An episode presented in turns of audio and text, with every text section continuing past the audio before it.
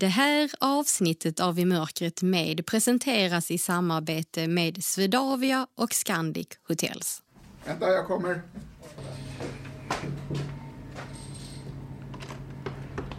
Hej, hej. Är du som Uffe? Jajamän. Här sitter en kille som känner dig som har kört taxi. Han sitter där, men det ser ju inte du. Nej. Ni spelade goalball en gång i tiden när han förlorade alltid. Du kan nog inte ihåg mig. Jag heter Stefan. Ha, vad roligt, Stefan. vi Ja, spelade go-ball eh, ja, jag först... under ja, ni, ja en, en gång. Eller? Ja, tre gånger Tre tror gånger. jag till och med jag Ja, var ja, med ja, i ja, vilket ja. fall då. Tack, Stefan. Vad kul att det Tack så mycket. Ja. Ja, hej. Jag ska träffa... Ja, det är du som är Klas Sara. Ja, just det. Han är- Tjenare, Ulf heter jag. Ska träffa... Hej. Ja, men stick på. Ska träffa Anna. Ja, och jag ska ta in dig. Är det så flott? Ja, så är det faktiskt. Ja, men välkommen till Svartklubben.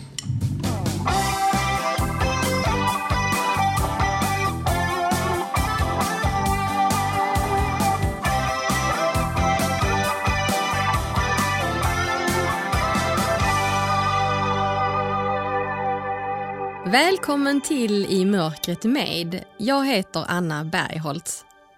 Först vill jag börja med att tacka alla er lyssnare för all fin respons vi fått efter första avsnittet av I mörkret med Dagny Karlsson. Tack för att ni hört av er till oss på mail och för att ni gillat oss på Facebook och spridit podden i era kanaler. Det betyder jättemycket för oss.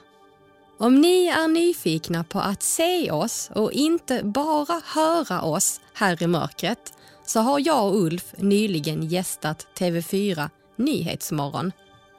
Gå in på Youtube och sök på TV4 Nyhetsmorgon från den 1 maj och rubriken Djupa samtal i totalt mörker. Där hittar ni oss. Nu är det dags för ännu ett avsnitt och den här gången har jag bjudit in en vän och talarkollega till mig. Han är en av Sveriges mest anlitade och uppskattade föreläsare. 2010 vann han Stora talarpriset. Ja, han, hon, eller kanske ska han säga hen. Ja, i alla fall när vi träffades första gången så hörde jag en mans röst utan att veta att han bar kvinnokläder. Men kan han verkligen göra så? Bära kvinnokläder när en är man? I det här avsnittet pratar vi bland annat om det. Vi lyfter framförallt normer och hur märkligt det är att vi förvånas över att människor är olika. Det handlar också om att dölja sitt riktiga jag och hur svårt det kan vara att vara sig själv. Det handlar också om en obestämbar hamburgare. Och såklart får vi även livemusik från Svartklubbens ägare Ulf Nordqvist. Ljudtekniker är Jan Dahlqvist. Men innan vi släpper fram dagens gäst vill jag också tipsa om en tävling som vi har på Facebook där vi lottar ut en bok av dagens gäst. Jag heter Sara Lund. Åtminstone ibland, skriver han på sin hemsida. Det här är I mörkret med inspiratören, föreläsaren, tillika ögonöppnaren Claes Smith Sara Lund. Men du håller på med restaurang också, har jag hört sägas. Ja, jag drev eh, Slakthuset i Malmö. Men jag var, jag var ju marknadschef så jag var inte liksom i restaurangbranschen så, men vi hade ju en gigantisk restaurang. Det var ju folk som klarade sånt som kunde driva det. Eh, n- Nu är du ju på Svartklubben som sagt var. och Här gör Ja. vi ju då ungefär som du, fast vi serverar mat i mörker och så gör vi musikunderhållning. Jag var ju på en svartklubb på Gotland för ett par år sedan. Ah, ja, var det under... eh, Ja, just Just det. det, under Almedalen. Ja. Och då fick jag en, en försmak på det här. Du ska ju snart få uppleva det på något sätt. Ja. Eh, Men du har ingen mat idag va? Nej, idag är det inte Ja, mat. för jag har inte fått någon lunch idag så det hade varit Ah. väldigt praktiskt. Alltså, vi kan, kan skicka ett sändebud som hämtar något av dig som du käkar. Ja. Alltså, vill du äta någon burgare eller vill du äta något? Alltså, något sånt där som... Alltså ska jag göra det i mörker så får Ja. det vara någonting som är lätt ju. Ja, äter du hamburgare? Ja, jag äter hamburgare men det är väl inte lätt att äta det i mörker. Ja, du kan, vi, kan, vi kan väl prova? Vi kan absolut prova. Ja, men då, då bestämmer vi det. Det där blir bra. Du, när, när vi går in i mörkret så, Ja. så eh, då, behöver du stänga av telefonen eller lägga ifrån dig telefonen. Ja, jag har- eller vad du- ja, nu har jag stängt av. Ja, visst. Har du något mer, någon annan grej som du har massa ljus i? Eller är det... Ljus? Nej. Nej, nej. nej, nej, nej. Det enda ljus, det är jag som är ljus. Ja, men det är bra. Du, du, du får lysa med ditt ljus hur mycket du vill. Lysande. Men du, då så tog jag fram slussen här nu då. Det här, det här verkar jobbigt. Ja, men nu ska vi gå in i Slussen. Jag har en fråga till Ja, dig. ställ Hur fixar du detta med myndigheterna? För man måste ju ha en lysande nödutgångsskylt. Ja, man kan också vara bemannad och se till att bemanningen har, eh, alltså att vi, vi har små ficklampor i fickan. Du har fått det tillståndet? Ja, okej. Ska stänga den. Claes, Ja. Sara, tar Yes. du, tar du tag i, i mig då så ledsagar Så jag dig? till exempel. Ja. ja. Tänkte, öppnar vi dörren här in till mörka rummet. Ska jag säga, ja jag ser det. Ja. Svinn nu inte här. nej, nej, nej, nej, jag är kvar. Är Anna här och, det, någonstans? Ja, Anna är någonstans. Du ska snart få träffa Anna. Jag tänkte bara att vi skulle ta en liten tur här och se. Det var trevligt. Ska jag Så. titta mig omkring? Ja, det, jag tänkte det. Här till eh, höger så har du ett bord med fyra personer. Ja, de är inte här då. Men, inte kommit. nej, och nu är vi framme vid ett bord till med fyra personer. Så går vi bort mot ett bord där det ska sitta, ja det är två bord för tio personer. Jesus, du har ju mycket folk här. Men Jag det serverar du också? Ja, serverar. Men hur klarar du det utan att hälla ut såsen på gästerna? Men det, du vet, det, alltså tricket egentligen som vi kör på Svartklubben det är att vi är blinda även på dagen. Ja, det är ju det. Ja, vi, vi, liksom, vi kör vår vardag. Om du känner här, nu ska jag visa dig hur det ser ut. Här har du då en stol som man, du kommer att sitta på likadan sen. Ja. Jag ska bara visa hur det ser ut. Sen framför dig här. Så här har vi en undertallrik då som vi har ställt upp. Och, och där då, det är där vi kommer ställa porslinet under kvällen. Okej. Och sen har du knivar och gafflar till höger och vänster. där, ja. Just Och där borta. Ja, just det. Så, och sen här framme har vi då Lite glas. Jag kommer. Mm. ihåg när jag var på den andra svartkrogen på, så fick vi en flaska vin och ett glas. och hur fasiken gör man när man häller upp vin? Jag fick ju stoppa ner fingret i glaset. Det är ju inte snyggt precis, men jag fick ju göra det. Så jag Men du vet vad, det var ingen som såg hur du gjorde så det Nej, det var ju det. Och det var ingen som såg hur jag var klädd heller. Det var väldigt fantastiskt. Ja, så ska vi vandra bort nu och, och leta rätt på Anna tycker jag. För nu, hon ska inte, åh, nu börjar hon rassla där borta. Oh, med alla sina... vänta, vänta, vänta, vänta. Där är ett trick vi brukar ha Ulf. Ja, okej. Fast idag är, är det du som inte ser någonting. Ja. Här är så fruktansvärt mörkt så han måste varit släckt väldigt länge. Ja, vi har släktforskning här inne. Nu ska jag se. Klas Sara, nu ska jag dra ut din stol lite här. Här är jag. Nu ska jag se om jag kan eh, komma och hälsa. Ja, det kanske jag, så Ja. kan vi göra. Då, då försöker jag komma iväg lite. Där jag hör dig. Dina armband är bra. Vad hade du att skramla med för någonting? Hallå. Ett halsband. Du kan känna här. Känner du vad det är, vad det är för form på halsbandet? Oh, det är ett hjärta va? Och det var snabbt. Det är det. Ja. Men hjärtan brukar inte skramla. Får, får man Ja, det- sitta, det- det- sitta eller, eller Ja, du, finns det, nej, du, du ska få, jag drog ut en stol åt dig här borta. Ja, Och du tror jag ska sätta mig rätt ut i luften nu? Har du hittat den? Ja, ja, ja. Oh, ja. Så då. Men den här trevliga mannen Uffe, ska han försvinna nu? Nej, jag, jag kommer att vara här omkring. Ja, okej. Eh, fast Jag har tänkt att jag ska se till Alltså, så att du alltså- ska få, ska få någonting i kistan. Ja, det var ju det. Han ska fixa en Så hamburgare. jag, säger han. jag ger en Så hamburgare till dig. Och, och jag vet inte hur man... Alltså, äta en hamburgare här, det kommer att bli jättekladdigt. är det någon som har ett lakan jag kan hänga ur mig? Så jag, bara, jag försvinner några sekunder. Så ni kan Är du säker att du hittar ut nu då? Ja, jag tror det. Eller ska jag, för, ska jag Ja, kan Ska du hjälpa mig. till? Jag kanske ska hjälpa dig. så du hittar. Välkommen hit. Tack så mycket. Det är kul att vara här. Ja, vad härligt. Nu har du en mikrofon framför dig. Okej. Om du känner lite upp så inte du slår Alltså, den- tänderna du i menar den. att den ska hänga i luften? Ja. Där. Där Nu du tafsar jag på den. puffskydd, ja precis. Ja, ja, ja. Ja. Ja, hur är läget idag? Läget är bra. idag är väldigt bra. Jag har blivit av med en fet stor fördom och det känns alldeles utmärkt.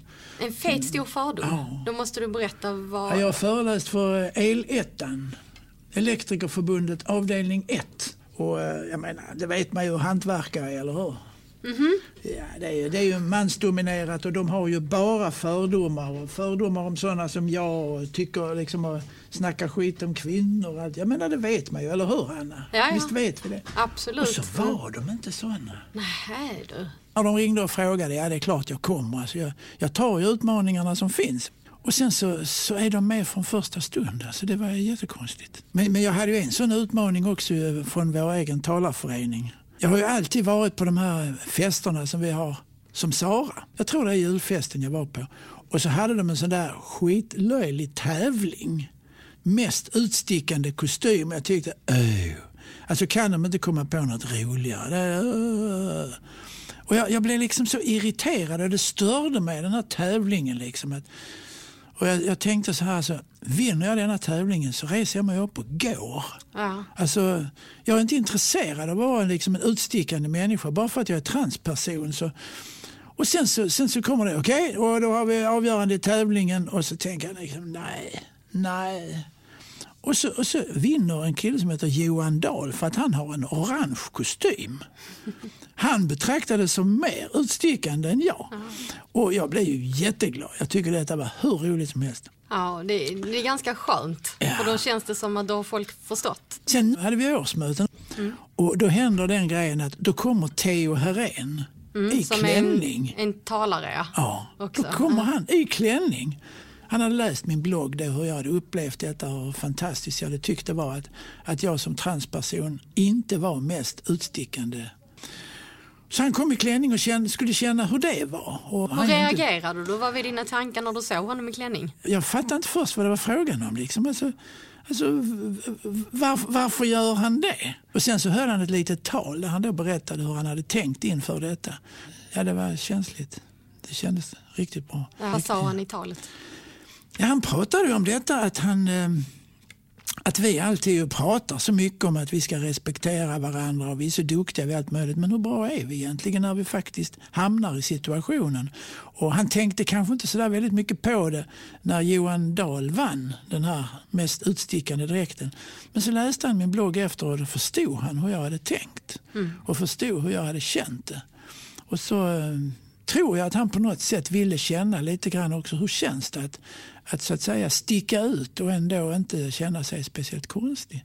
Och, och på något sätt så är det så konstigt detta va? att en, en, eh, en högstatusman som klär sig i klänning kan till och med höja sin status genom att ta på sig ett kvinnligt plagg. Ja, intressant. Varför är det så tror du? Ja, därför vi, vi ser ju upp till vissa människor och honom ser vi ju upp till. Så att vi, vi blev ju inte rädda eller oh, utan det, var, det blev mer nyfiket. Liksom, varför gör han så? Och sen förklarar han i talet varför han gjorde så. Nu har vi redan eh, kört igång samtalet här för Ja, full då har vi inte spelat in detta. Nej, Nej, det inte jag. alls. Jag hade tänkt att du skulle få börja med att presentera dig själv. Berätta vem du är. Ja, vem jag är? Jag är en människa som tror på mänskliga rättigheter. Jag är en människa som eh, försöker vara ärlig och som eh, betalar skatt. Inte för att jag tycker det är kul utan att vi har ett demokratiskt system som vi har valt. Och, och jag ställer upp på det tills vi väljer något annat. Då ställer jag upp på det. Jag tror på demokrati. Jag tror att det goda i samhället ska vinna över det onda. Det finns inte onda ska man inte säga kanske, men över rädslor. Vi har mycket rädslor i samhället. Och eh, jag jobbar med det, att försöka få folk att förstå att ja, du har rätt att tycka vad du vill, men du har ett ansvar att ta reda på fakta. Och när du har fakta framför dig, då har du rätten att ta ditt eget beslut vad du ska tycka. Och eh, sen försöker jag då få, få folk att förstå att eh, respektera människor för den, den de är istället för den de som vi kanske vill att de ska vara. Och det här gör du som föreläsare. Ja, just det. Mm. Varför just som föreläsare? Ja, vad, vad är ditt andra förslag? Det är väl ett alldeles utmärkt förslag och något, någon sorts föreläsare, agitator och, eh, stand-up komiker och liksom lite blandat allt möjligt. Så. Och sen har jag mycket egna erfarenheter. Men eh, det, det handlar mycket om att utmana, utmana åhörarna. Dels eftersom jag när jag föreläser är jag alltid klädd som Sara. Och jag kan säga halva mitt liv är jag klädd som Klas och halva är klädd som Sara. Och att jag alltid jag åtar mig så att säga att föreläsa som Sara. Och det gör jag ju för att jag vet ju att det utmanar folks sätt att tänka. Varför är han klädd så? Varför gör han på det här viset? Han kunde precis lika väl stått här. Och vi ser ju att det är en man. Varför, varför håller han på på det här viset? Liksom? Och, men grejen är ju den att jag klär mig så här för att jag ska må bra. Inte för att någon annan ska må varken bra eller dåligt. Utan detta är min grej. Jag klär mig så här och jag kräver på något sätt respekt för den jag är. Precis som jag respekterar min omgivning för den de är. Sen, Får du respekt då? jag tycker, Tycker det. Jag, tycker det. Jag, har, jag öppnade upp 2003 och blev offentlig med min transvestism. Och, eh, jag har inte haft några negativa reaktioner som det. Och det har jag diskuterat Inga med- negativa reaktioner för det, då, då sitter jag här och tänker det tror ju inte jag på. Nej, men det är, vad, det är vad folk säger till mig hela tiden. Varför ljuger du? Varför, varför säger du inte som det är? Och ehm, jag tror väl på något sätt att det kan ha att göra med att jag inte godkänner negativa. Jag godkänner inte att någon kränker mig. Mm. Alltså om det är någon som försöker att, att eh, kränka mig på något sätt så, så, eh, så ger jag igen. Alltså jag godkänner det inte. Jag frågar dem vad är det frågan om och vad tänker du nu och varför säger Mm. du så och vad vet du om detta och känner någon transperson? Och, Det där måste provocera en del ändå. Ja, att du jag- tänker jag- så att jag godkänner inte. Nej, jag godkänner inte. Mm. Och jag vet att det var en, en, jag var på en krog i Göteborg, det är rätt länge sedan nu. Så var vi några stycken en kompis, "Men det luktar hamburgare. Ja, du kände det. Jag, jag, jag ser ingenting men jag känner jag, doften. du skulle gå och prata till punkt. Men det gör han aldrig Ulf. Jag känner ju Klara ganska bra. Det finns ingen punkt här. det finns ingen Nu har du punkt. fått en tallrik framför dig. Ja, du har fått en Du får tallrik. placera själv som du vill. Är det någonting på tallriken? Ja, det är det. Här får du en travservetter. Oh, ja, det kan jag behöva. Och sen ska du få, här ska du se. Vad händer där? Och det vill jag veta, vad, eller jag och Anna vill gärna veta. Öppna vad- lite vad- försiktigt är det? där bara. jag Öppna kan- lite Vill du ha ett försiktigt. glas så har du ett glas där. Ja, där har jag ett glas. Ja. Och, du, och nu ska du förstås att jag ska berätta vad det är i burken Ja. innan jag ens har öppnat den. Nej, Men det, alltså, jag vet inte om jag är så bra på... Jag är så rädd om mina naglar. Nu ska vi se här. Det lät inte som öl. Det luktar inte öl heller. Ska vi gissa att det är någon sorts Coca-Cola i den här burken? Du hörde hela Sverige att jag öppnade en burk någonting. Det porlar. Spännande. Ja men hur fasen gör man nu alltså? Ni får, inte, ni får inte ha kvar, ni måste ta bort. Jag ska säga istället, hur tusan gör man? Nej men alltså, Ja, inga svordomar. nej, men alltså vad händer nu om jag bara häller? Du, du, har, du, har du fått den över själva? Du får ju Ja, sätta jag tror burken det. över. Ja. Jag är helt Har du om liksom hålet i burken på rätt håll? Tyst, tyst, tyst. Det låter bra. Det låter nästan som en kiss. Ja, oh, oh, oh. Nu, nej.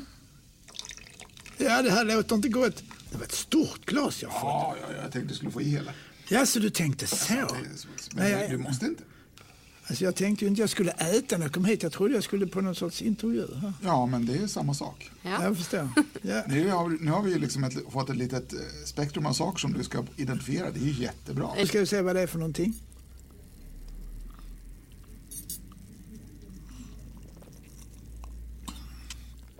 Ja, det var i alla fall inte Coca-Cola. Nej. Utan det är någon sorts, eh, vad skulle jag kunna dra till med, någon sorts hallonsodaktigt någonting? Wow! Var det någonting, Ja. vad vet du om det Anna? Du har Ja. inte sett vad det är. Men du vet du vad, när vi var fika för länge sedan, Ja. då beställde du hallonsoda och jag tyckte det var så roligt att du beställer hallonsoda. Där kom mina eh, så här, åldersfördomar lite på skam. Mm. Och Jesus hade en massa pinnar också. Ja, är ett pommes frites. Mm. Man ska inte prata med mat i munnen så. Ja, det kommer du få Nu göra. gör vi det. Jo, men jag höll ju på att berätta om den här grejen i Göteborg. Ja, men jag sa ju det, vi pratade om det här med kränkningar. Att eh, det var ett sånt exempel där jag var väldigt nära att bli kränkt kan man säga. Och vi var väl eh, ja, kanske 20-30 personer och jag, vi var kanske två eller tre transpersoner med i gänget. Där. Och så står vi där i puben och det är fullt av folk och helt plötsligt så känner jag en hand som är väldigt stark runt min arm och som drar mig bort från gänget. Och då kommer jag fram till ett bord där det sitter tre stycken mm, ganska kraftiga män kan man säga. Då säger den här killen då, varför är du klädd som en jävla kärring? Och så sa jag, vadå, min mamma har sagt att jag får klä mig hur jag vill, bara jag heller en. Och förresten, varför sa du jävla kärring? Är du, är du gift med en jävla kärring? Uh, vadå liksom? Ja, eller, eller är du homosexuell? Är det det du är kanske? Nej, jag är inte homosexuell. Då är du alltså, då är du alltså tillsammans med någon jävla kärring då? Alltså varför har du valt att vara ihop med en jävla kärring? Varför är du inte ihop? Jag är gift med en väldigt trevlig, snäll och kvinna som jag älskar. Och jag skulle aldrig få för mig att kalla henne för någon jävla kärring. Och så höll vi på att snacka om det där, liksom, hur, hur, man liksom, hur de såg ner på kvinnor och såg ner ännu mer på mig eftersom jag då gick in i någon sorts kvinnlig variant. Så tänkte jag, nej, jag kan inte hålla på med det här nu längre. Så jag var tvungen att avbryta liksom, och säga, men skulle du våga klä dig som jag? Nej, jag skulle inte vilja, säger han lite föraktfullt. Men det, det var inte det jag sa. Skulle du våga? Och nu får han ju ett val här. Säger han ja, så måste han ju på något sätt upp till bevis. Och säger han nej, så kan han ju inte vara ledare längre för gänget. Men eh, när jag frågar honom om han skulle våga klä sig så säger en av de andra killarna i gänget du skulle behöva en bh. För han, han var ganska kraftig så han hade rätt stora bröst faktiskt. Ah. Mm. Och så skrattar allihopa och han blir lite trängd där och jag tänkte shit det här går aldrig bra. Så reser han sig upp, han är riktigt stor. Och så kommer han fram till mig där och så dunkar man mig lite lätt på axeln så säger han du är bra, säger han. Och sen, sen satte han sig där igen och så gick jag tillbaka till gänget. Så då var det okej helt plötsligt? Ja, helt plötsligt så hände det liksom ingenting med... Och jag tror det är det som är grejen, att jag inte har blivit kränkt någon gång. Därför att jag vistas i miljöer där man kan prata. Och så länge det går att prata så tror jag att jag klarar mig ganska bra. Jag kommer på en gata och så står där ett gäng unga grabbar och säger kolla transan! Och det kan jag ju välja att ta illa upp men jag kan ju också titta på dem och vinka lite fint till dem. Och då vinkar de tillbaka. Och så alla glada. Ja, jag kan känna igen mig lite i det. Jag har också fått hört så här blindstyre och ja, folk som Är har det det? viskat- Är, är det faktiskt Ja, nej, men jag, alltså, jag kommer ihåg eh, vid ett tillfälle, det är ganska många år sedan, jag åkte tunnelbana Mm. eh, och hoppade på eh, en bit utanför stan, skulle åka in till stan och, och gå på bio. Ja. Eh, och då hör jag att det står ett gäng ungdomar och tisslar och tasslar och hon är blind och hehehe och skrattar och sådär. Och så känner jag så här det knyter sig i magen så tänker jag, ska jag stå här och låtsas som att jag inte hör någonting? Ja. Så jag säger någonting, eh, ja jag är blind men jag hör bra. Ja. Och då blir de så här uh, tysta och ställa. Jag sa, vad ska ni göra? Var är ni på väg? Så det slutar med att vi börjar prata istället. Precis som du sa. Ja, precis. Det är ofta nervositet. Och jag kan ju höra ibland när jag är ute och föreläser i skolor. kan jag ju höra vissa då, speciellt killar liksom, som börjar fnissa. Och liksom, mm, och så. Det är ju också ett utslag av nervositet. Alltså, hur ska du bemöta en transperson om du aldrig har mött en transperson? Det är ju skitsvårt. Men det är också väldigt roligt nu vet du, när jag är ute i skolor och föreläser. Så eh, kommer det fram ungdomar då som kanske är, vad ska vi dra till med, 15 år, 13, 14, 15 år. Kommer fram och frågar mig vilket pronomen använder du? Alltså när jag var i den åldern hade jag inte ens en aning om vad pronomen var för någonting. Vilket pronomen använder du? Och så definierar de sig då. Och de är inte så mycket transpersoner utan de är icke-binära. Så de ansluter sig inte till någon av de två könsmajoriteterna. Och det är ungefär där jag befinner mig. Jag definierar mig som som transperson men, men mest som människa. Det är framförallt människa jag definierar mig som. Och sen så är jag ju uppfostrad man så att jag är ju en biologisk man. Alltså. Och jag har inte tänkt göra något åt det. Vet du vad? Klas Sara. Du ska få äta lite och så ska du få höra lite musik så du får i dig lite mat också. Vadå, jag. är det någon som ska spela för oss? Ja, kan- så är det här på Svartklubben. Jag behövs och du behövs. Jag någonting att ge. Om vi törs se varann och de gåvor vi har fått då blir olikheten en styrka och vi kan ge något till varann. Tillsammans måste vara vägen som leder ända fram. Så låt oss bygga en värld för människor. Alla människor. Där du och jag kan hjälpas åt och göra det vi kan. Det låter naivt och löjligt men är För trots allt är det du och jag som bygger morgondagen. Varje röst som blir hörd den väcker upp en ny idé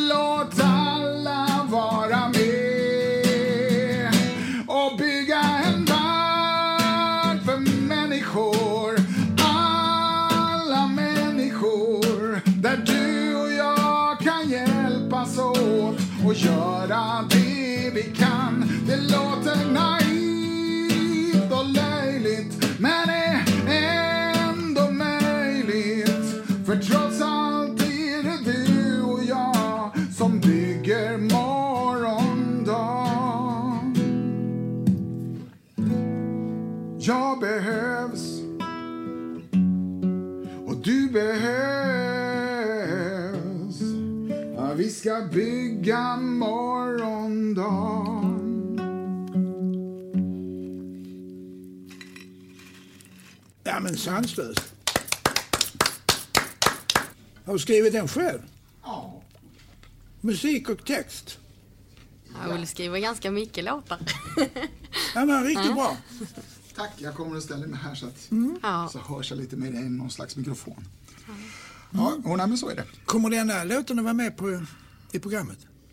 Ja, det, är, det här programmet är ju nu, du vet, så den händer nu, så det blir nu. Ja, nej, man vet det ju aldrig vad ni hittar Nej, på. det kan man inte veta. Min, min hamburgare, kommer den också vara med i programmet? Jaha. Jag är lite intresserad av eh, hur, hur, eh, vad är det för en hamburgare? Nu lämnar vi i mörkret med för en kort stund för att möta vår samarbetspartner Swedavia. Swedavia är det statliga flygplatsbolaget som äger och driver tio flygplatser runt om i landet. Maria Akrén heter jag och är en av tre teamchefer för eh, ledsagning här på Arlanda. Och eh, vi utför assistans eller ledsagning av resenärer med funktionsnedsättning och nedsatt rörlighet.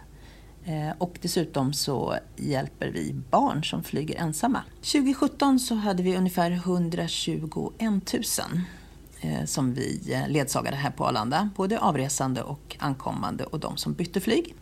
Om man vill ha ledsagning, hur går det till rent praktiskt? Eh, Ja, då kontaktar man sitt flygbolag eh, eller researrangör senast 48 timmar innan resan eh, och talar om vad man behöver hjälp med. Man behöver inte ett läkarintyg och man behöver inte dra sin medicinska historia för den som svarar i telefonen. Men man behöver tala om vad man behöver för typ av hjälp. Och det som vi är väldigt intresserade av det är om man behöver hjälp att eh, lyftas över till sitt säte eller om man har svårt att gå i trappor. För det betyder att vi måste eh, skicka två personer som hjälper den eh, personen. Men är det bara en fråga om att man har svårt att gå långa sträckor och tycker att det är svårt att orientera sig på flygplatsen, då räcker det ju med en. Så 48 timmar innan. Mm, Men om man vill vara lite spontan? Det kan man absolut. Ehm, Vi ehm, kommer att hjälpa även den som inte är förbokad, men vi, vi prioriterar alltid de som är förbokade. Generellt så tycker jag att man ska inte vara rädd för att ge sig ut och resa, för att många säger att hade jag vetat att det var så här enkelt så hade jag ju rest för länge sedan. Eh, så att jag tycker att man ska kolla lite på vår hemsida. Det finns ganska mycket information om exakt hur eh, assistansen går till. Man kan också se på en kortfilm som visar hur det går till från A till Ö. Eh, och det är bra att veta att så här ser det ut i hela Europa. Eh, Och i USA och Kanada. eh, I alla länder så kan du ju få assistans och det ser ut i princip på precis samma sätt. Och Swedavias hemsida hittar du på www.swedavia.se och Swedavia stavas med W. Vad det är för en Ja, hamburgare? du hade, du hade en hallonsoda och så var det pommes frites. Ja, Vad men- kan det vara i? Ja, det är en hamburgare, det har jag märkt. Den är lite mjuk. Lite mjuk. Ja, och för måste jag liksom kolla den. Vad ska jag dra till med vad det är? Det är ett väldigt mjukt kött. För den, är mjuk, den är inte kompakt som en vanlig hamburgare. Och sen får jag en känsla av att det är lite vitlök i den. Mycket möjligt. Men eh, menar du att det skulle vara fisk? Nej, det är inte fisk är det inte. Det tror jag faktiskt hade luktat fisk va? Ja, det kanske det är. Ja, Man vet inte det när det är inte. friterat. Var känner jag igen den här doften ifrån? Det är ost ju, den, den tar ju väldigt mycket smak. Vi kan släppa det där tycker jag. Det, det är faktiskt ost. Det är halloumi. För jag känner ju osten men jag känner inte vad det är för smak på köttet. Nej. Så lurigt. En fråga. När trivs du som fisken i vattnet? Det är till exempel som, som idag när, eh, när jag pratar för människor som eh, förstår vad det handlar om. Som, eh, jag ser att de liksom förstår att de förstår. Och det känns väldigt bra. Är det att stå på scen eller är det här mötet? Ja, det är mötet med människor som är det roliga tycker jag. Men om du tittar på ditt liv då, alltså när har du trivts som bäst? Är det nu eller? Ja, jag har ju massvis med höjdpunkter. Ju, men sen varje grej har ju sin tid. Det var väldigt roligt att vara ute som musiker och spela. Och det höll jag på med i tio år. Det var jättekul. Och sen helt plötsligt så började jag tröttna på det. Och sen så ehm, startade jag då ett eh, företag som heter Öresund Artistservice. Det var väldigt roligt och jag åkte på turné med en massa artister då som eh, ljudtekniker och ljustekniker och chaufför och turnéledare. Och sålde in turnén och var bandbokare och allt möjligt. Det var väldigt roligt att hålla på med det för då hade jag ju kunskaper från den tiden när jag hade spelat på alla krogar som finns i Sverige. Sen slog jag mig ner lite mer, eller lugnade ner mig lite så jag började driva krogshow. Och då var det väldigt roligt. Alltså det, det är kul att ha succé och det har gått väldigt, väldigt bra. Och, eh, så nu är det väldigt roligt att jag då, när jag då öppnade upp, jag mådde ju väldigt dåligt egentligen eftersom jag inte vågade vara mig själv. Så avslöjade jag mig min hustru 1989. Och då blev helt plötsligt problemet mycket mindre. Så då mådde jag ju väldigt bra av det. I och med att jag kunde få lov att vara mig själv. Om vi stannar lite där, för det blir man ju såklart nyfiken på. Har du gömt det då? Ja, det är dolt det för alla. Nästan för mig själv också. Hur, hur klarar man det? Alltså Ja, det ens liv? ja, alltså transpersoner är väldigt duktiga på att smyga. Och um, ja, hon upptäckte det bara för att jag slarvade. Jag, jag använde ju tillfällen, alltså jag hade en väska och så, så blev det så att ibland så var jag sjuk, jag, jag mår inte bra då. jag tror jag stannar hemma från jobbet och så. Så var det i själva verket för att jag ville klå mig och vara mig själv. Och det, det är en fruktansvärd känsla det här att behöva önska den man älskar ur huset för att få lov att vara sig själv. Men så- klädde du om hemma då och var Ja. hemma? Ja, precis. Det jag alltid har längtat efter och, och som jag nu har fått i överflöd det är ju att ha en so- social funktion som Sara. När din fru då upptäckte, du sa att du slarvade. Vad, Mm. Ja. vad hände? Jo men hon var ju bortrest. Hon hade varit borta en hel vecka och jag hade ju varit hemma och, och eh, hade min väska fram och mådde bra och klädde om och så. Och sen så när hon kommer tillbaka så packar jag undan allting, ställer upp väskan på vinden. När hon kommer in i badrummet så upptäcker hon i papperskorgen att det är en strumpbyxförpackning som inte alls är hennes märke. Och hon blir jättemisstänksam och börjar leta igenom hela huset. Och så upptäcker hon bland annat att det luktar parfym på kudden i sängen. Oj. Och då tänker hon, aha! Han är transvestit, tänker hon. nej. nej, det gör hon inte. Jag brukar säga, men sen den dagen är jag tvungen att vara det. Alltså hon blev upprörd. Vem har varit hemma hos oss medan jag varit borta? Och jag inser att hon har hittat någonting, för där har inte varit någon annan. Mm. Hon, men hon har, hon har varit nära väldigt många gånger, men det har ju jag också varit. Så jag har alltid kunnat hitta på någon sorts nödlögn. Jaha, Ja, men alltså nej, det var, eh, det var eh, grannfrun var inne, det var, det var min syster, det var, det var, det var och sådär. Och hon har ju fått en förklaring, men ingen riktig förklaring som hon har riktigt trott på. Alltså det har varit någonting som har haltat. Och när jag nu säger att det är ingen annan, det är bara jag. Jag är transperson. Mm. What? Så vi åker hem och vi pratar. Hon har ju alla de där frågorna. Liksom. Ja, men vad innebär detta då? Vill du, hellre, vill du vara kvinna istället? Vill du, vill du kläda så här alltid? Vill, du- ska vi fortsätta vara gifta eller vill du hellre vara gift med en man? Eller? Alltså, nej, nej, nej, men det är, inget, alltså, det, det, det är jättebra som det är. Jag trivs jättebra, jag älskar det. Jag vill inte leva med någon annan. Och ganska snabbt var hon ju klar med sin uppfattning. Liksom. Hon hade inga problem om jag vill klä mig likadant som halva jordens befolkning. Men hon var upprörd för att jag inte hade sagt något. Ja. Men hade hon inte anat? Var det någon pusselbit som föll på plats? Ja, det var ju en massa pusselbitar som föll på plats. För hon anade ju att det var någonting som inte stämde. Men hon kunde liksom inte sätta fingret på vad det var. För hon misstänkte ju en massa saker, men detta misstänkte hon inte. Och inte min mamma heller för den delen. För när jag berättade för henne vad det handlade om, hon hade inte misstänkt någonting. Om vi backar tillbaks, alltså när kände du att du är transvestit? Ja, ordet hade jag ju ingen aning om, men att jag kände att jag inte var som de andra killarna, det kände jag redan 3-4 års ålder.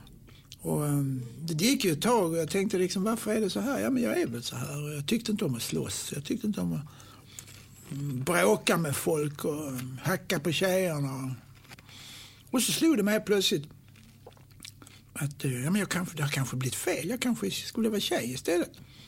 Men det visade sig att jag, jag var ju ingen tjej. Alltså, jag, jag passar ju inte in där heller. Och vad är jag då?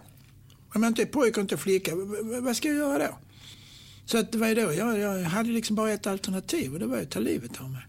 Jag, jag kunde liksom inte förlika mig vid tanken att jag ska hålla på så här hela livet. Det kan, det kan inte vara meningen att det ska vara så här. Men vad var det som var så hemskt i det? Alltså, kan du förklara det? Alltså, Så gör man inte. Alltså finns det någonting mansrollen är rädd för så är det ju det kvinnliga. Och då, då, då kan man ju inte godkänna en sån grej. Jag var ju det mest macho man kan komma på. Jag, var ju, jag blev årets bästa soldat när jag lumpade på P7 i Ystad. Jag brukar säga ibland att jag var det mest macho det regementet någonsin hade skådat. Men men var det en roll du spelade Ja, för att på precis. något vis... Det, det det var är det? ju ingen som misstänker en sån machogubbe för, för, för att vara transa. Ja. Men du, alltså förklara, för jag tror att eh, folk inte riktigt förstår eh, vad är transperson, vad är transvestit, vad är transsexuell. Kan du reda ut det? Nej, jag har kan ingen- inte det? Jag har ingen aning. Du vet inte? jag vet. Men alltså, det är också så här att uttryck kommer, uttryck går. Och idag så är det inte så många som är transvestiter. Man kallar sig inte så. Jag tror att man kallar sig mer um, icke-binär. Att det hamnar där någonstans. Att man är någonstans mellan könsrollerna. Man kan se, kön på flera olika sätt. Det biologiska, det är ju ett kön, alltså fortplantningen. Sen har vi ett mentalt kön. Vad anser jag själv att jag är? Vi har ett socialt kön. Vad anser du att jag är? Och sen har vi ett juridiskt kön. Det är ju statens sätt att definiera oss. Och, och jag menar du Anna, vilket kön anser du att jag är? Det är rätt spännande för du har Ja. aldrig sett mig. Nej, alltså det, och det är så himla intressant för att eh, nu sitter vi här, det är totalt mörkt så ingen annan skulle heller se hur du ser ut Nej. och man hör en mans röst. Ja. Eh, när Och jag det- träffar dig så uppfattar jag ju dig som en man för jag har en mans röst. Ja, det blev det. Mm. Kommer du ihåg att det fanns någon som hette Lasse-Maja en gång i historien? Ja, Levde någonstans i sekelskiftet 1700-1800-talet. Och han levde ju som kvinna och han uppfattar jag som någon sorts transperson. Den enda som avslöjade honom det var en blind kvinna. Transpersoner kan man väl säga det är människor som lever mellan. Alltså som, som när min hustru då avslöjar mig, känner du dig som en man eller känner du dig som en kvinna? Så jag vet inte, jag har aldrig kunnat välja. Ja men måste du välja säger hon. Kan du inte välja och inte välja? Vadå? Ja du kan, väl, du kan väl bara vara människa. Kan man välja det? Jag har aldrig hört talas om någon som har kunnat välja det. Ja men vi kan väl försöka i alla fall tyckte hon då. Och på den vägen är det. Det är ingen som i stort sett bryr sig om hur du klär dig. Eller som bryr sig om att ja, men alltså, du är blind eller du är alkoholist eller du, du har ADHD eller, eller vad det är för någonting. Det är inte många som bryr sig egentligen. Och därför så borde vi ju våga vara oss själva. mm, varför vågar vi inte det då? Därför att vi har en norm i samhället hur vi tror att man ska vara. Det, är, det är en väldigt stark norm det där. Och det var ju det som hände för min del. Det var när jag lyckades byta ut så gör man inte till om du har problem med att jag är transvestit så är det ditt problem. Det är inte mitt problem. Och när jag lyckades höra, få problemet att hamna där det faktiskt hör hemma. Har du problem så, så, så får du väl hantera det på något sätt. Alltså det uppseendeväckande är ju inte att jag klär mig i ett annat köns kläder. Uppseendeväckande är ju att jag gör något som folk inte är vana vid. Jag bryter mot en norm. Jag deltar inte i den där teaterföreställningen där, där hur män ska vara och hur kvinnor ska vara. Utan jag, jag kör mitt eget race. Hur är det när du, när du vaknar på morgonen? Eh, när du ska ut och föreläsa så vet jag ju att eh, du klär dig och du svarar på scen. Ja.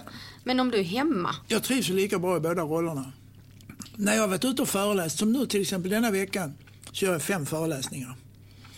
Och när jag kommer hem på fredag så är jag ganska trött på Sara. Peruken kliar och, och liksom, tänk dig själv gå med bh frivilligt.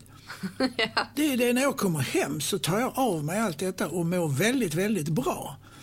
Och sen kan det gå några dagar. Det kan, det kan gå en vecka, det kan gå tio dagar. Sen börjar, sen, sen börjar Sara trycka på. Märks det då? Ja, hon märker det oftast före mig. För att hon, Din fru? Ja, hon upptäcker att jag börjar bli kort i tonen och lättstött och irriterad. Och liksom, eh, nästan lite tvär. Och då kan hon ibland liksom tycka att, ja men vad är det med dig? Är det Sara som trycker på? Ja, måste jag erkänna att det är det. Ja men gå då och klä om så det blir människa av dig igen. Du kan inte vara på det här viset. Jag har ofta tänkt på det här med normer. Att tänk om alla människor i samhället hade varit blinda. Då hade man inte sett hudfärg eller hur folk Just klädda. det. Om folk är tjocka eller smala. Ja, det känner man ju om man kramar någon och så. Men eh, Precis. Tror du att eh, vi hade hängt upp oss på andra saker då? Ja, hur ska jag kunna veta det? Ja, det är en jag filosofisk säkert. fråga. Jag tror att den här maktkampen hade funnits ändå. Fast då tror jag det är mätt på ett annat sätt. Och jag kan inte riktigt komma på, det är nästan du som får komma på. Jag Jag är ju inte fördomsfri för att jag inte ser folk utan man tar ju in och eh, har, får en inställning till människor utifrån hur rösten låter, eh, hur folk uttrycker sig, om man låter intelligent eller inte. Om man luktar intelligent. Ja. Jag, jag tror tyvärr att det fungerar på precis samma sätt om man är blind. Jag tänker att du var inne på, alltså utseende ersätts ju ganska mycket av röst. Så en trevlig röst ligger ju bättre till än en, en, en ganska rutten röst. Så är det ju. En snygg röst är bättre än en ful röst. Eh, Jag minns när du och jag eh, pratade om eh, normer återigen. Du berättade att eh, ni har valt att inte ha barn, att Ja. det har varit mer provocerande ibland. Det tycker jag var intressant. Ja. Ja, men det är jättekonstigt. Alltså, man pratar hela tiden om alla måste skaffa barn, alla måste skaffa barn. Men alltså, vilket är det största problemet vi har här på jorden? Det kan vara miljön, men det kan också vara att, att det föds för många barn, eller hur? Så varför är vi då så upptagna hela tiden med att alla måste skaffa barn? Det är väl snarare bra att inte alla människor skaffar barn. Varför är det bra då? Därför att det blir ju inte en överbefolkad jord. Vi har ju bara denna jorden. Och vi måste kunna odla mat till alla som lever på jorden. Men tänkte du och din fru så? Nej, det var ett val vi gjorde. Dels så hade, hade jag så mycket företag och grejer som jag höll på med. Ja, vi bestämde oss bara att... Eller man kan säga, det blev inte att, att vi, eh, vi skulle skaffa barn. Men det är många som har liksom, ja men ni måste skaffa barn, ni måste skaffa barn. Varför det? Nej, men det är så trevligt med barn. Ja visst, men det är trevligt att kunna lämna tillbaka dem också. Jag eh, har ju inte heller barn och det är ju också eh, självvalt. Men då kan ju folk fråga ibland, gillar du inte barn då? Och Just det. gör jag ju. Det kan ju ligga någonting där också att vi kände kanske inte att vi, att vi måste skaffa barn. Men samhället har någon sorts uppfattning att vi måste skaffa barn. Alltså, det, det, det blir nästan lite asocialt på något sätt att inte skaffa barn.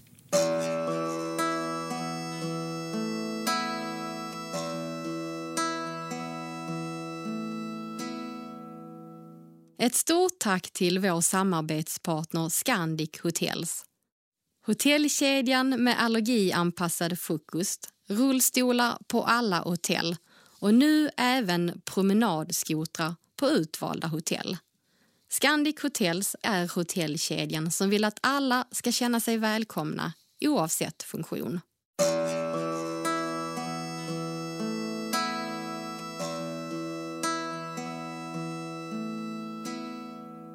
Jag ska köra lite snabbfrågor på dig nu. Te eller kaffe?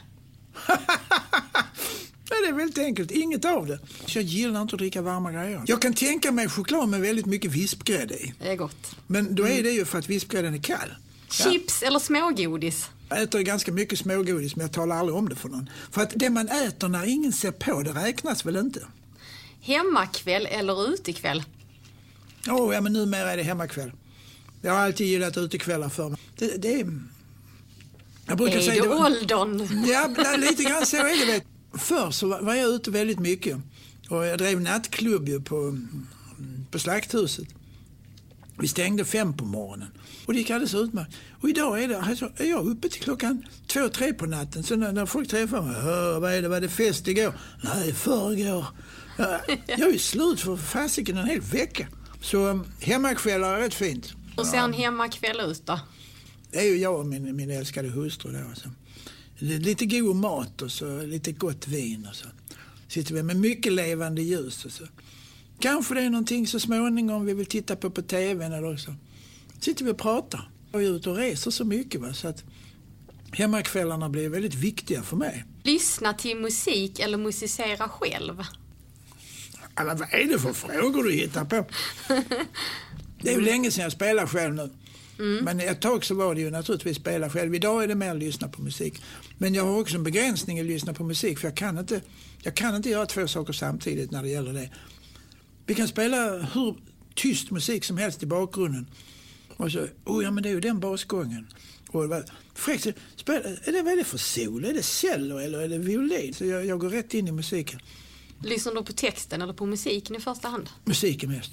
Stuga på landet eller globetrotter? Alltså resa runt en massa. Ja, det är att resa runt, absolut. Ja, det var ingen tvekan. Nej. Nej, men stuga på landet. Vi har en stuga i stan. Skulle ha två stycken då? två hus som ska målas och repareras och grävas i trädgården. Och nej. Mycket fix, helt Ja, enkelt. nej. TV-program, Idol eller Debatt? Debatt.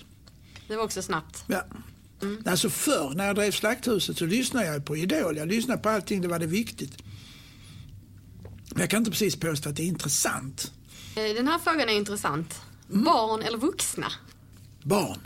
Ja, det säger du Ja, ändå. ja, ja. Mm. ja, ja. Ja, varför Barn är det? jättekul. Ja, men från, alltså du får perspektiv från barnen. Mm. Vuxna, det tar så lång tid och det måste ju liksom hur mycket vin som helst i en vuxen för att de ska börja prata. Alltså prata, prata intressanta saker. Hur brukar barn reagera på att de ser en man som har kvinnokläder? Ja, det är spännande. Vet du, då, då kan jag komma liksom och så helt plötsligt så får säga någon, varför är du klädd som en tant? Och så säger jag, ja, jag trivs med det. Ha. Då är det färdigpratat. Det är inte en enda följdfråga. De har inte lärt sig att så gör man inte. Och, och är du då homosexuell? Och vad säger din hustru? Eller vad säger din make? Eller vad säger... Nej, utan det är bara hopp. Ja, Det är så himla intressant för jag möter ju samma sak. De kan fråga, Mm. ser du ingenting? Nej, så jag ser ingenting. Det är ungefär som att blunda med ögonen. Mm. Okej. Nya människor eller gamla vänner? Ja, den är svår. Speciellt om mina gamla vänner sitter och lyssnar på detta. Ja, jag är väldigt spänd på, jag är väldigt nyfiken på nya människor. Vi har en liten krog hemma. När vi går där så är det Anita och jag. Så bokar vi ett bord för fyra. Och så sitter vi alltid bredvid varandra. Vi vill inte sitta mitt emot varandra, vi sitter bredvid varandra. Men det betyder att det är två platser lediga rakt fram.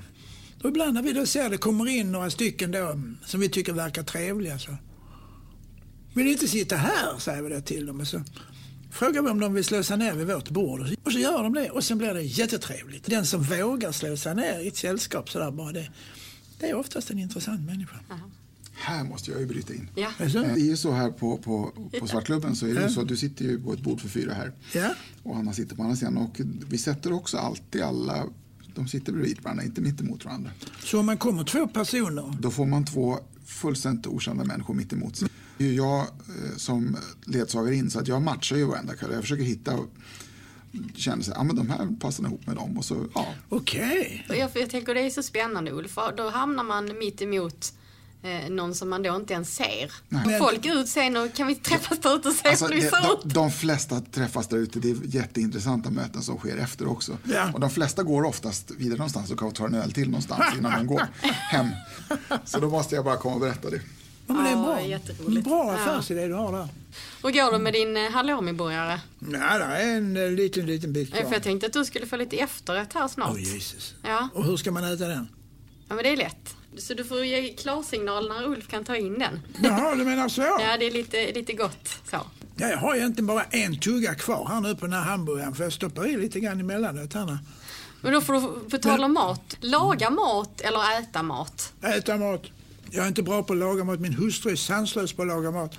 Och man kan väl säga att jag hjälper till. Men det blir aldrig mer. Om jag tillhör den generationen som Alltså en man lagar inte mat. Utan det var ju min mamma och mina systrar och jag liksom, ja, jag diskade och sådär. Och sen så brukar jag sälja disken till någon av mina systrar för en krona. Så, Mm, så då gjorde de det. Ja. Tummen mitt i handen då, eller händig? Alltså jag gör ju så lite som möjligt kan man säga. Men eh, behövs det så, så löser det sig. Men bygger och snickrar du hemma Nej. eller? Nej. Nej. Hur går det? du ha lite, vill du ha lite, lite efterrätt? Ja, klart jag vill. Vilken där. Oh, nu kom det någonting här. Vad fan. Det är högkant på det. Ja, hittar du det? Ja, det är en skål. Ja, men alltså, ska jag inte ha några bestick? Ska man liksom... Nej, det där är lite gott efter så. Åh, kul! Yes! Och det här är ju en, det här är en fisk. Det kände du direkt. Mm, jag kan känna att den är svart. Du kan känna det. Mm. Känns på smaken. Ja, Oh, sånt älskar jag. det där Nej, har jag förresten- läst om i din bok. att du gillar saltlakrits eller Ja. Mm. saltgodis. Ja.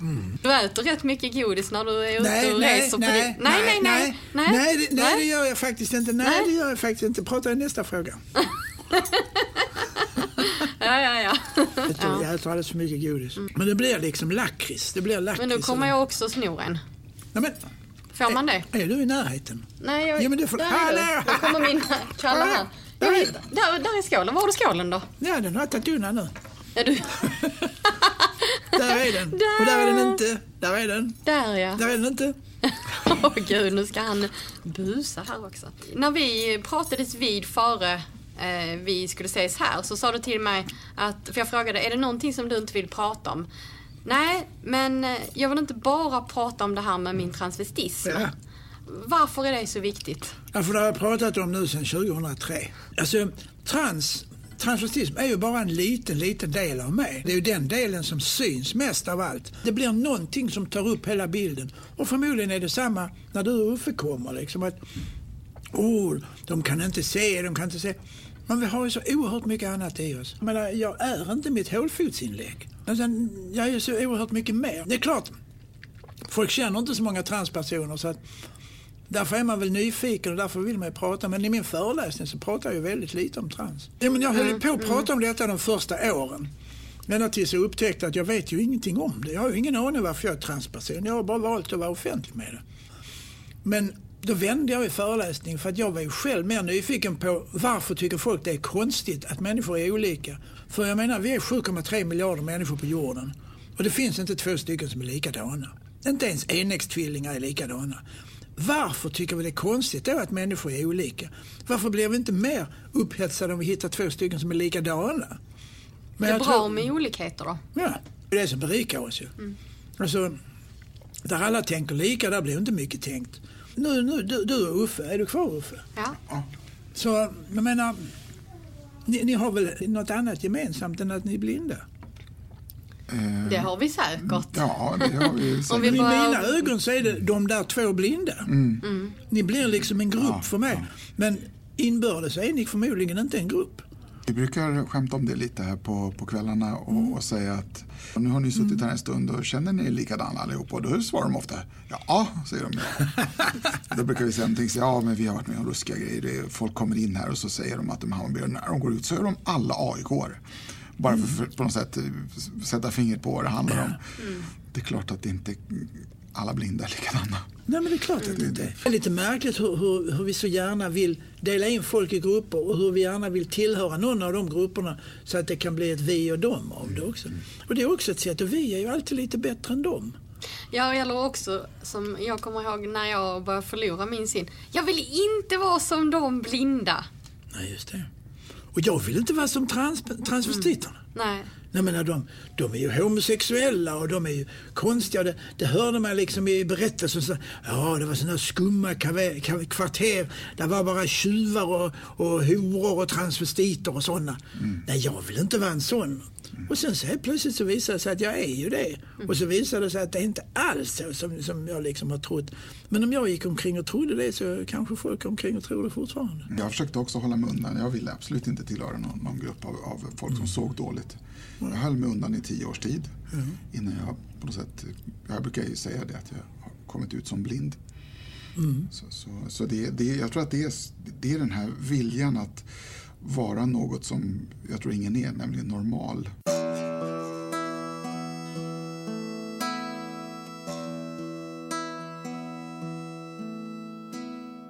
Vad har du för godis där borta? Det, här, det är så här att eh, de gästerna som besöker Svartklubben Ja. får lämna en liten signaturautograf i en liten bok som jag har. Om jag ska skriva utan att se? Ja, för så är det på Svartklubben. Här är det mörkt. Du ska få en penna av mig till att börja med. Har du skrivit i mörkret förut? Nej. Och så ska vi se. Sen har du boken här. Där, du? ja. Och där är en sån här uh, liten uh, Är det- där ja. Är det den sidan som är emot mig nu? Den som är mest papper där. Ja. Tjock där. Men vad är det? Det är en trådbit som hängde Ja, där? det är Lite- en markör var Men hela denna är. sidan kan jag skriva på? Den kan du skriva på. Du kan skriva precis vad du vill. Om du vill skriva något fint eller om du bara vill skriva ditt namn. Jag kan skriva något fint men det kommer aldrig att läsa ju. Vi se, jag börjar skriva här då.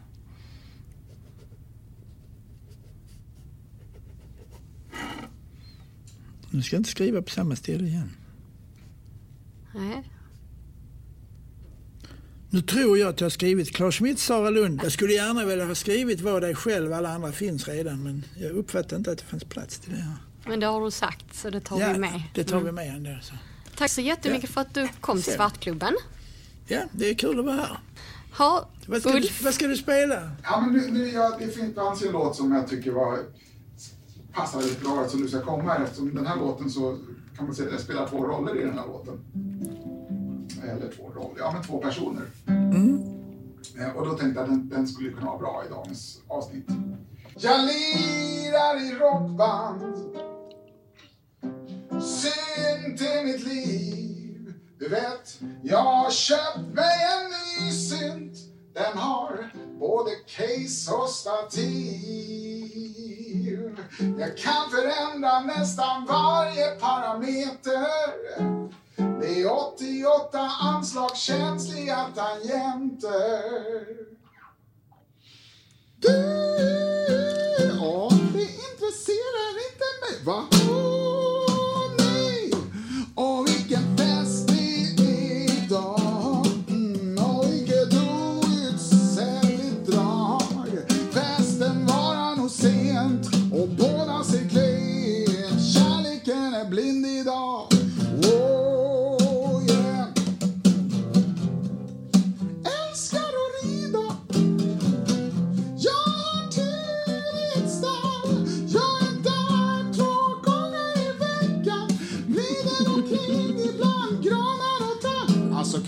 Snacka om något annat. Jag kan sova, jag kan fräsa, jag kan rykta. Utan hästar blir nog människor betryckta. Du, ja, det intresserar inte mig. Va?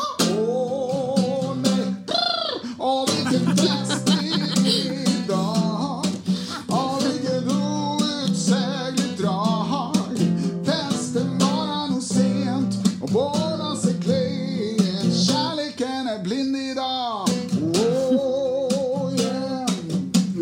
jag det att jag lirar